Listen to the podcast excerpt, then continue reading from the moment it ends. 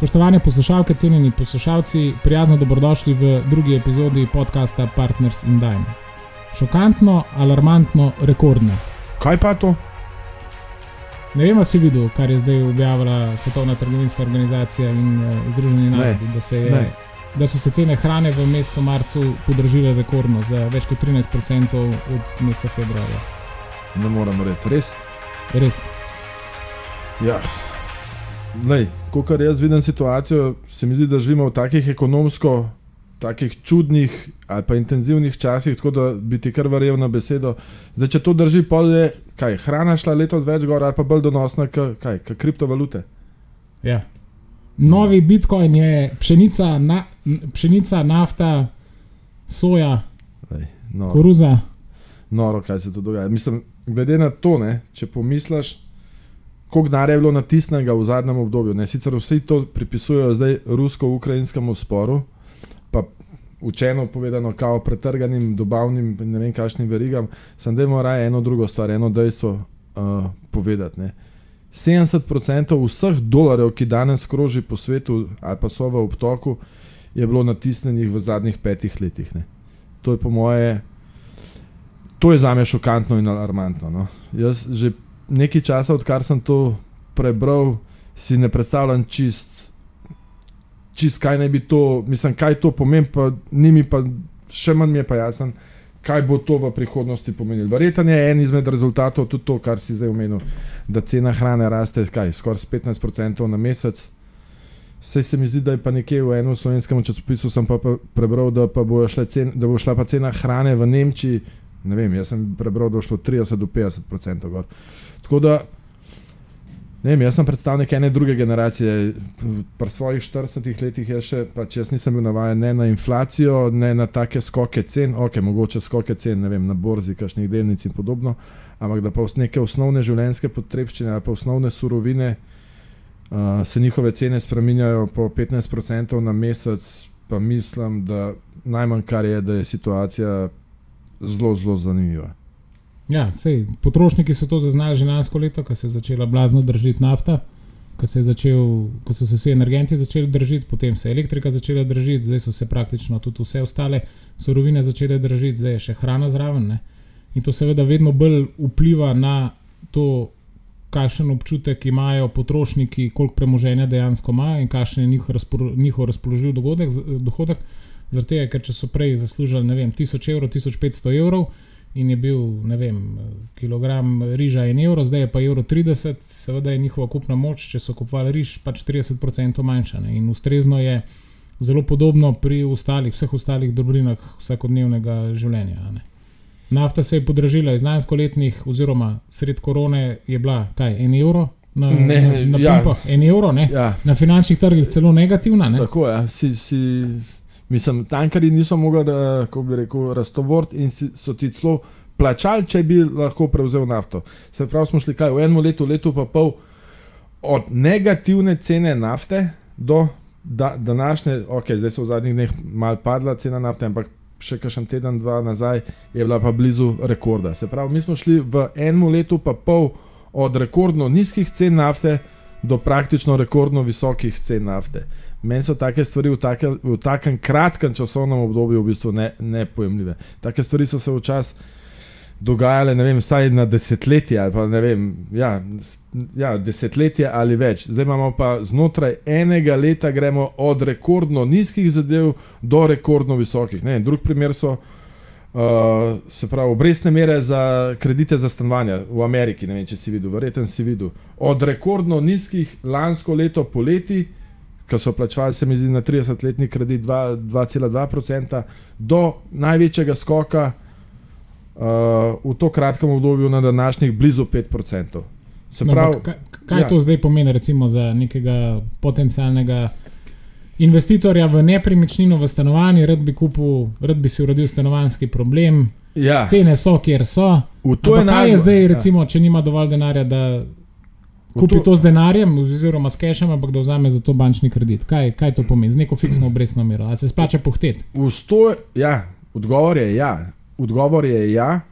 Sicer mogoče na prvo žogo intuitivno uh, bi kdo pričakoval, da je odgovor ne, ampak Jaz mislim, da je treba danes razčistiti še en zelo močen pojav ali pa um, eno zadevo. Ne?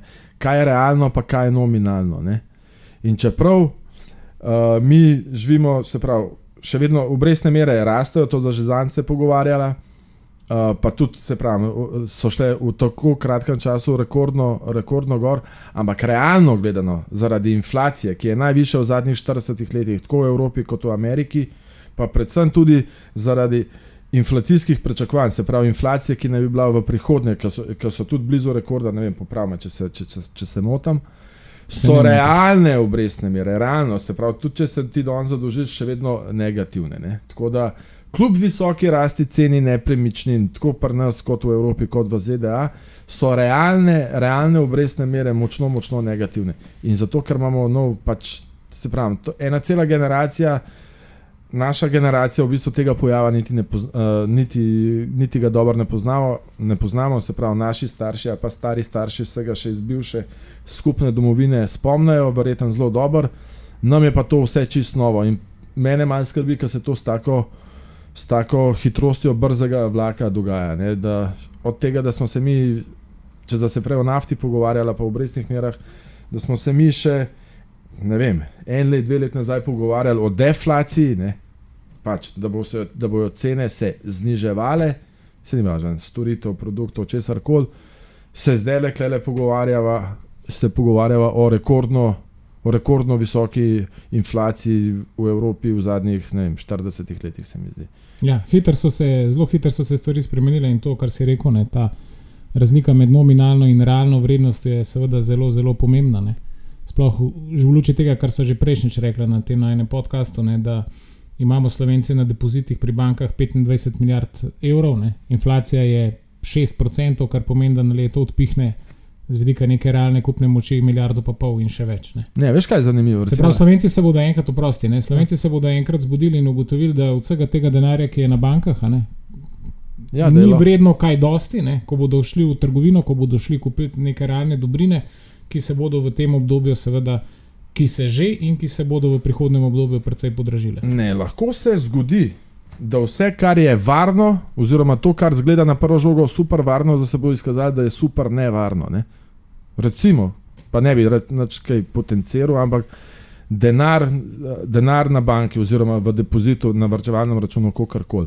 Ne mislim, da bi se z njim karkoli tako zgodilo, uh, da bi denar zginil ali karkoli. Ampak njegova vrednost, če bo inflacija, ne vem, še eno, dve leti, taka, ki je zdaj, pa taka so tudi inflacijska pričakovanja, se bo lahko nekomu, ki ima pač 100 enot uh, denarja na banki, bo, bo to vredno, ne vem, samo še 70 enot ali pa mogoče celo 60 enot. Predvsem pa noben z nobeno gotovost ne more. Ne more zagotoviti, da se to ne bo zgodilo. Oziroma, zdaj celo tako kaže, da se to bo zgodilo. Uh, Tako da pač jaz mislim, da živimo v enih takih. V enem takem finančno-ekonomskem armagedonu s tem novo natisnjenim denarjem, da kaj bo na koncu iz vsega tega vam padal, uh, jaz vse, kar bi si drzno reče, da bojo te black swani ali pa črni labodi ali pa, kako bi rekel, taki intenzivni, intenzivni dogodki, ki se zgodijo, tako kot sem prej rekel, nafta od minusa do rekordno visoke in podobno. Da bojo če dalje pogostejši, pa če dalje močnejši. Tako da jaz mislim, da bo velika, velika umetnost ali za posameznike, ali za firme, ali za kogarkoli, ali pa za države, če, če hoče slišati, v takem okolju se pravilno, uh, ko bi rekel, obstati in odločati. Ker jaz mislim, da to, kar so neke ekonomske politike, ki so se vodile skozi desetletja, pa so učbeniki. Uh, se pravi, so v učbenikih opisane neke odzivi, kako naj bi se v določenih situacijah uh, nekdo mogel odzvati. Mislim, da to trenutno praktično ne vlada skoraj da nič. No. Praktično skoraj, mislim, zelo, zelo malo. No. Ja, če gledaš, kako so se reševali problemi v preteklosti, sploh recimo Evropa, ne, s tem, ja. s to problematiko prezadolženosti teh perifernih držav, takrat, ko je bila ja. še pod vprašanjem Španija, Portugalska, Grčija, ko je bila ta ja. kriza te periferije kako je to Evropa reševala. Reševala je tako, da je natisnjena na denar. Ja. Marijo Dragi je stopil pred vso zainteresirano javnost. Marijo Dragi je bil takrat uh, predsednik centralne banke, Evropske, pravi, Evropske ja. centralne banke. In je rekel, da bo rešil evro za vsako ceno. In začel seveda z intenzivnim tiskanjem in odkupovanjem državnih obveznic teh perifernih držav, kar pomeni, da jim je znižal stroške zadolževanja. Če je znižal stroške zadolževanja, pomeni to, da nekih strukturnih reform, se pravi, da bi nekaj v gospodarstvu dejansko spremenili, da bi bilo dolgoročno boljše, niso naredili, se pravi, pocenil se jim je sam strošek zadolževanja in zgodba je šla naprej. A so Grki kaj naredili, se ti kaj spomniš od takrat, ko so Grki, vse... recimo, recimo, da Grki so še nekaj naredili, ne? Ampak ta ostala periferija, pa po mojem, če tako pogledaš globalno, izredno malne. Oziroma, ja. Bistveno manj, kot bi naredili, če bi bili stroški zadolževanja še takrat 6-7%. Ne? Če se ti Ja. spomniš Slovenije, Ja. takrat leta 2013-2014, ko je bilo pod vprašanjem vse, ne? ali bomo preživeli ali ne, ali se bo država še uspela zadolžiti ali ne, ali bo, ali bo bančni sektor preživel ali ne. Je Slovenija takrat sprejela kar nekaj strukturnih reform. Zapisali smo to neko fiskalno pravilo v ustavo, prodali smo nekaj firm, konsolidirali smo javne finance, sanirali smo bančni sistem, naredili smo slabo banko. Skratka, en kup enih teh reform je bilo narejenih. Takoj, ko je obrestna mera na naš dolg, se pravi, potem po strošek zadolževanja Slovenije padel, se praktično ni zgodil nič. Ne. In reforme od takrat do zdaj.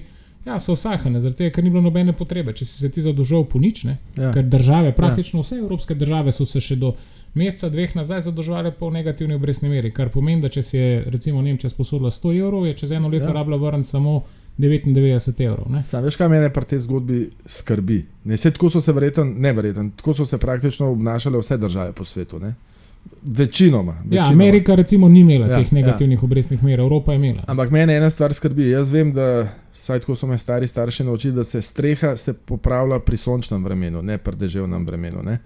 Tako da, kar hočem povedati, je, da idealne razmere za kakršne koli, reforme, spremembe, karkoli, so takrat, ko so dobre ekonomske razmere. Takrat so idealne razmere, da se tudi kakšno tako stvar potegneš.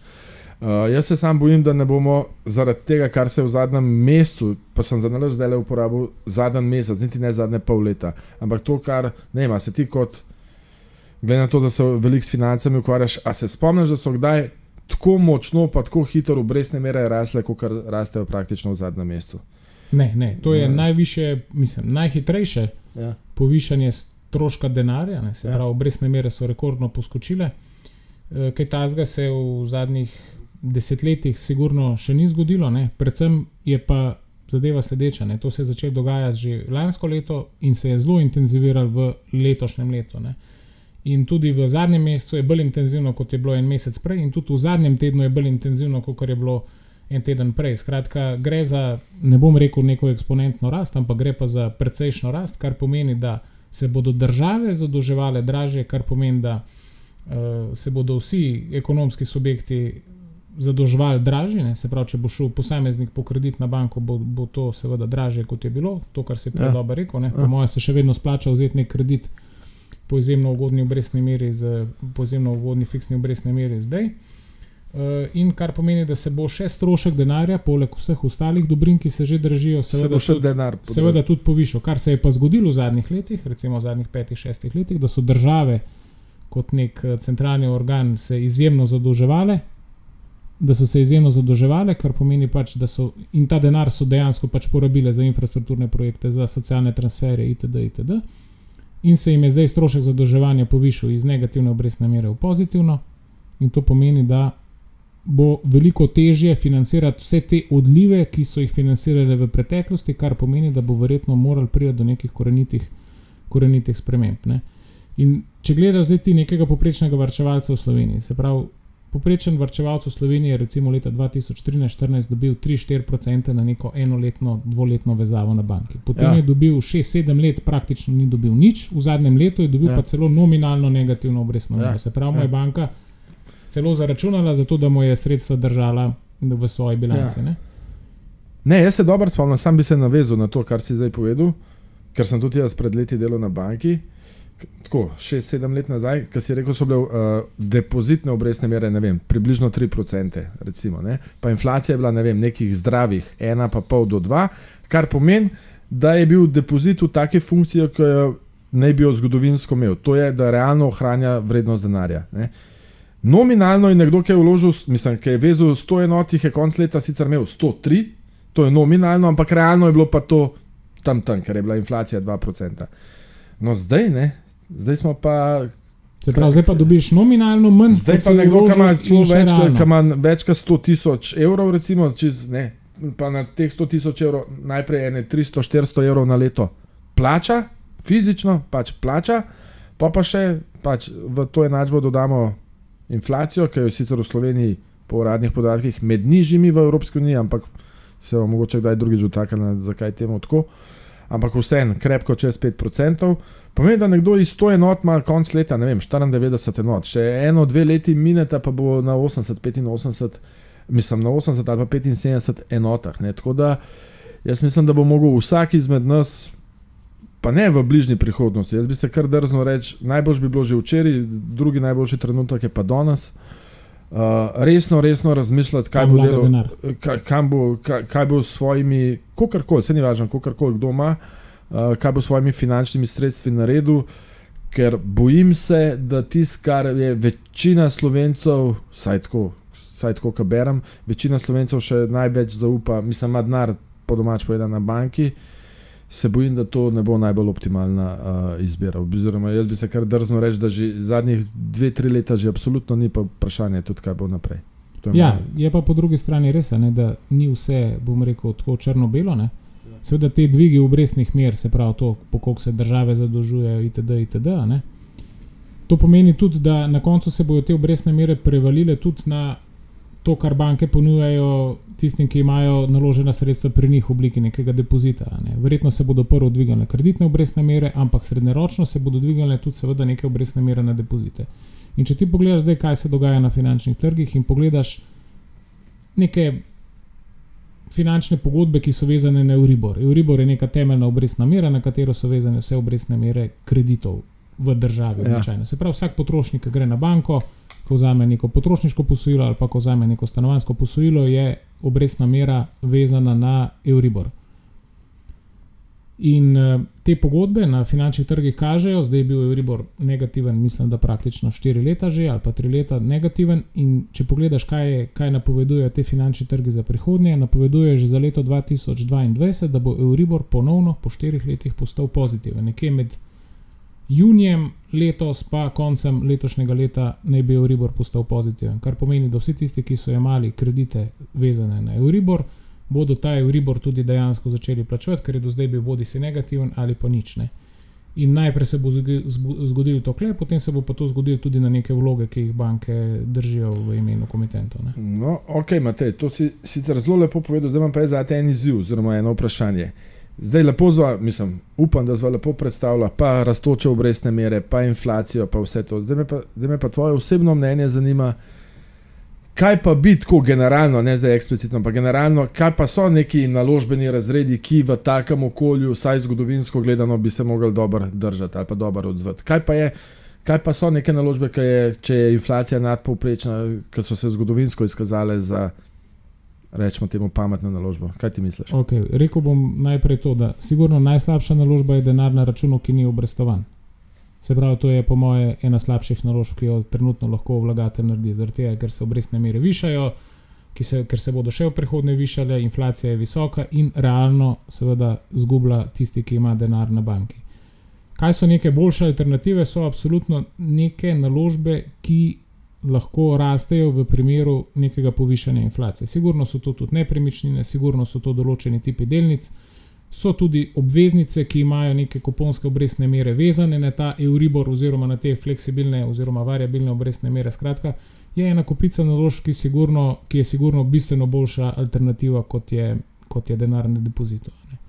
Predvsem seveda, bo- a ja, in, in samo še to, ne, je, pa, je pa seveda res, ne, da ta, bom rekel, kriza ali pa ta izredni scenarij, ki se trenutno dogaja, je bistveno drugačen od tistega iz leta 2007. Ne. 2007 so bila praktično tako gospodinstva kot podjetja, če pogleda Slovenijo, prezadolžena. Ne. Kreditov je bilo preveč na denarni tok, ki so ga ustvarjali, in posledično so šla v stečaj. Zdaj imamo fenomen, da podjetja praktično niso zadolžena, da prebivalstvo praktično ni zadolženo in da ima rekordne zneske denarja oziroma nekega finančnega premoženja v neki denarni obliki. In če me vprašaš, in glede Ja. na trenutno situacijo, ki je povezana z inflacijo, bo prišlo do drugačnega razvrednotenja, kot je prišlo takrat. Takrat je prišlo do nominalnega razvrednotenja, se pravi, Krka je bila vredna 120 evrov, pa je padla na 40 evrov, Luka Koper je bila vredna vem, 100 evrov, pa je padla na 10 evrov. Skratka, to je bilo nominalno razvrednotenje, ker je inflacija bila tam 1, 2, 3 procente. Zdaj smo pa v situaciji, v kateri Dolgoročno. sicer se nominalne vrednosti gibljajo nekje okoli, okoli teh nivojev, kot eh, so recimo eno leto nazaj, ampak jih je seveda treba že popraviti z 7-procentnim, recimo nekim diskontnim faktorjem, se pravi popraviti za to inflacijo. In če se navežem Ja. na tisto tvojo istočnico, nominalno, realno, ne? nominalno so cene približno tam, kjer so bile, realno so pa bistveno, bistveno nižje. Ja. In glede na to, da se trend te inflacije, bom rekel, še pospešuje, je zadeva lahko, seveda, potencialno problematična. Ne? Ne, to, me, to, to se mi, mi je bilo všeč na to, kar si zdaj povedal. Se pravi, vsaka ekonomska kriza nas vedno nekaj znova, a najprej nas itak seveda preseneti, predvsem je pa vsaka drugačna od prejšnje. Ne? Jaz bi se, mislim, vsaj tako razmišljam, sam per sebi. Um, a se spomnim, mislim, da bi se, vsi smo se bali te finančne ali pa Ne, bančne. Eno, eno, eno stvar sem se spomnil, No, da rekel. No, ampak sej, poglej, sej ne rabiš biti zdaj doktor jedrske ja. fizike, da nekako ta koncept razumeš. Se pravi, kar je dejstvo v zadnjih petih let, je to, da se je količina denarja v obtoku, se pravi to, kar so centralne banke naredile, kar se reko 60% Ja. ja. vsega denarja in, in tako dalje, eh, ga je ogromno. ne. Ja, ja. Mislim, vsi ljudje imajo ogromno denarja, depoziti na bankah so rekordni. Ja. Ja. Tudi, če gledaš na kupe stanovanj, Ja. ja. recimo v Ljubljani, se praktično kupujejo samo z denarjem. Se pravi, Ja. ja. denarja je res velik. Ne? Ja, Kaj se na drugi strani dogaja? In ga je bistveno več, kot ga je bilo recimo 3-4 leta nazaj. Na drugi strani, ne? če pa ti pogledaš dobrine, ja, celotne dobavne verige, ki so vezane Ja. ja. na Kitajsko, ki so tako ali drugače vezane na Rusijo, na Ukrajino, jih je pa če dalje manj, hočeš je pa, povedati. dobrine pa če dalje manj. Ja. In kaj se tebi zgodi, če imaš ti rekordno količino denarja, ki kupuje rekordno majhno količino produktov? Ja, imaš rast cen teh omejenih dobrin. Ne? In v bistvu imaš to, skoraj drznem reči, eksponentno rast nekaterih omejenih dobrin. Ja, in to, to, to za zdaj le dobro se napeljala na vse to. Um, jaz, res, mene res malo skrbi ta omejena količina vseh dobrin, pretrgane vse te verige. Um, Ne vem, kam, bo, mislim, kam ti misliš, kje se bo to končalo, oziroma se bo, kdaj, se, kdaj naj bi se to vrnilo v neke približno normalne okvire. No? Ja, ne, in pretrganost teh verig, tega še ni konc. Ne. Yes. Na začetku je bila pretrganost verig zato, ker je Zaradi bil COVID covida, ne, ja. in so vsi ustavili proizvodnjo, zato ker so bili pač Ja. ja. ljudje bolni in tako Ja. ja. naprej. Ne. Zdaj se ti je pa še v, na Kitajskem, potem je Mm. prišla Rusija, potem je prišla Ukrajina. Ja, Ja. In zdaj prihaja ponovno COVID na Kitajskem. Ja. In Kitajska je ključna za Ja. vse globalne dobavne verige, ker se stavljajo, ker pač imajo te sestavine ja. za to, da potem se vse stvari ne, v, z vidika produktov lahko naredijo. In tudi oni ustavljajo, zaradi te ničelne tolerance do tega COVID-a, spet ustavljajo proizvodnjo, kar bo za sabo potegnil seveda dodatne zaostanke pri ti dobavi, misliš, dobavi, dobavi smo- teh surovin. Pa se Ja. ja. jaz, jaz recimo opažam že to v trgovini, ko grem. Ko gremo v trgovino s hrano, meni se zdi, da določeni Ja. produkti, ki sem jih prej kupoval, jih sploh ni več, oziroma se pojavljajo samo še enkrat na teden, mogoče enkrat na mesec. Ja. Mislim, to je nek fenomen, ki je že, že prisoten v, v našem vsakodnevju. Vsako, Ampak, če sem te zdaj dobro poslušal, ti misliš, da smo zdaj mogoče priča začetku? Ne vem, mi smo zadnjih, saj ne vem, zadnjih 10-20 let verjetno že sadove globalizacije. Ne? Pač to je bila neka mantra oziroma neka ekonomska doktrina, ki naj bi same in izključno pozitivne neke učinke večini držav, ekonomij, kontinentov, kako koli uh, prenašala. Ampak zdaj, če sem te dobro poslušal, ne, se pravi, zdaj imamo neke, mogoče kaj, začetke neke, nam reko, deglobalizacije ali ne vem, kako koli. Se pravi, ne vem, en avto, ki je sestavljen v povprečju iz 2000 delov, ne vem, en, samo en del od teh 2000 ali zamuja proizvodna, Ukrajini in ne ali ga, ja, ali ga ni. Ali kako koli, zdaj, ali je to COVID, ali je to Kitajska, ali je to vojna na nekem območju. Ampak se pravi, od 2000 delov, iz katerih je poprečen avto sestavljen, samo enega izmed teh 2000 delov ni in se tebi, se tebi, oziroma ne tebi, pač nam vsem ustav, uh, ne vem, ali tovarna, ali proizvodna produkcija. Mislim, da to je malo, nam rekel, sam strašljivo, to je že malo gro- grozljivo, da, da smo tako kot družba mogoče odvisni, ne vem, neka avtomobilska tovarna v Evropi odvisna od, neke, od nekega Situacija sestavnega dela, ki ga delajo, ne vem, 5000 km stran. Ne? Smo. Absolutno, absolutno, je to, absolutno je to velik problem. Predvsem je pa to vprašanje, kaj bo, kaj bo naredila neka tako fiskalna in kaj monetarna politika. Se pravi, kaj bo naredila država in kaj bo naredila centralna banka. Ne? Ker te probleme, ki jih je centralna banka prej reševala, tako kot sva rekla, recimo te grška, španska, Ja. portugalska kriza, ko je v bistvu z odkupom državnih obvezen zniževala stroške njihovega dolga, ne, zato da jim ni bilo treba, bom rekel, teh eh, reform sprejeti, je zdaj inflacija tako visoka, da ta način reševanja teh problemov enostavno ne bo več funkcioniral. Tudi če Evropska centralna banka natisne še 10 tisoč milijard svežega denarja, ne, Ja. to ne bo rešilo problema dobavnih verig.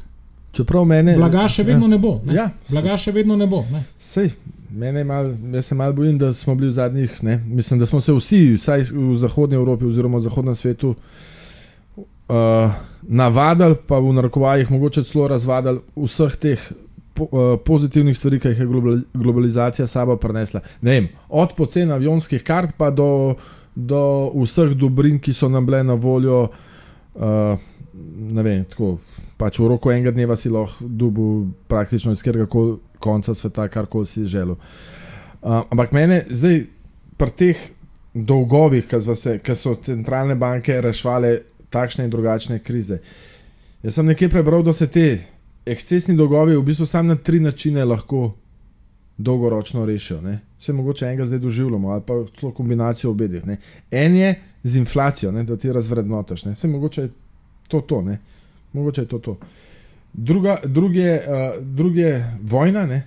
pa tudi nekje že tudi vojna poteka. Ne?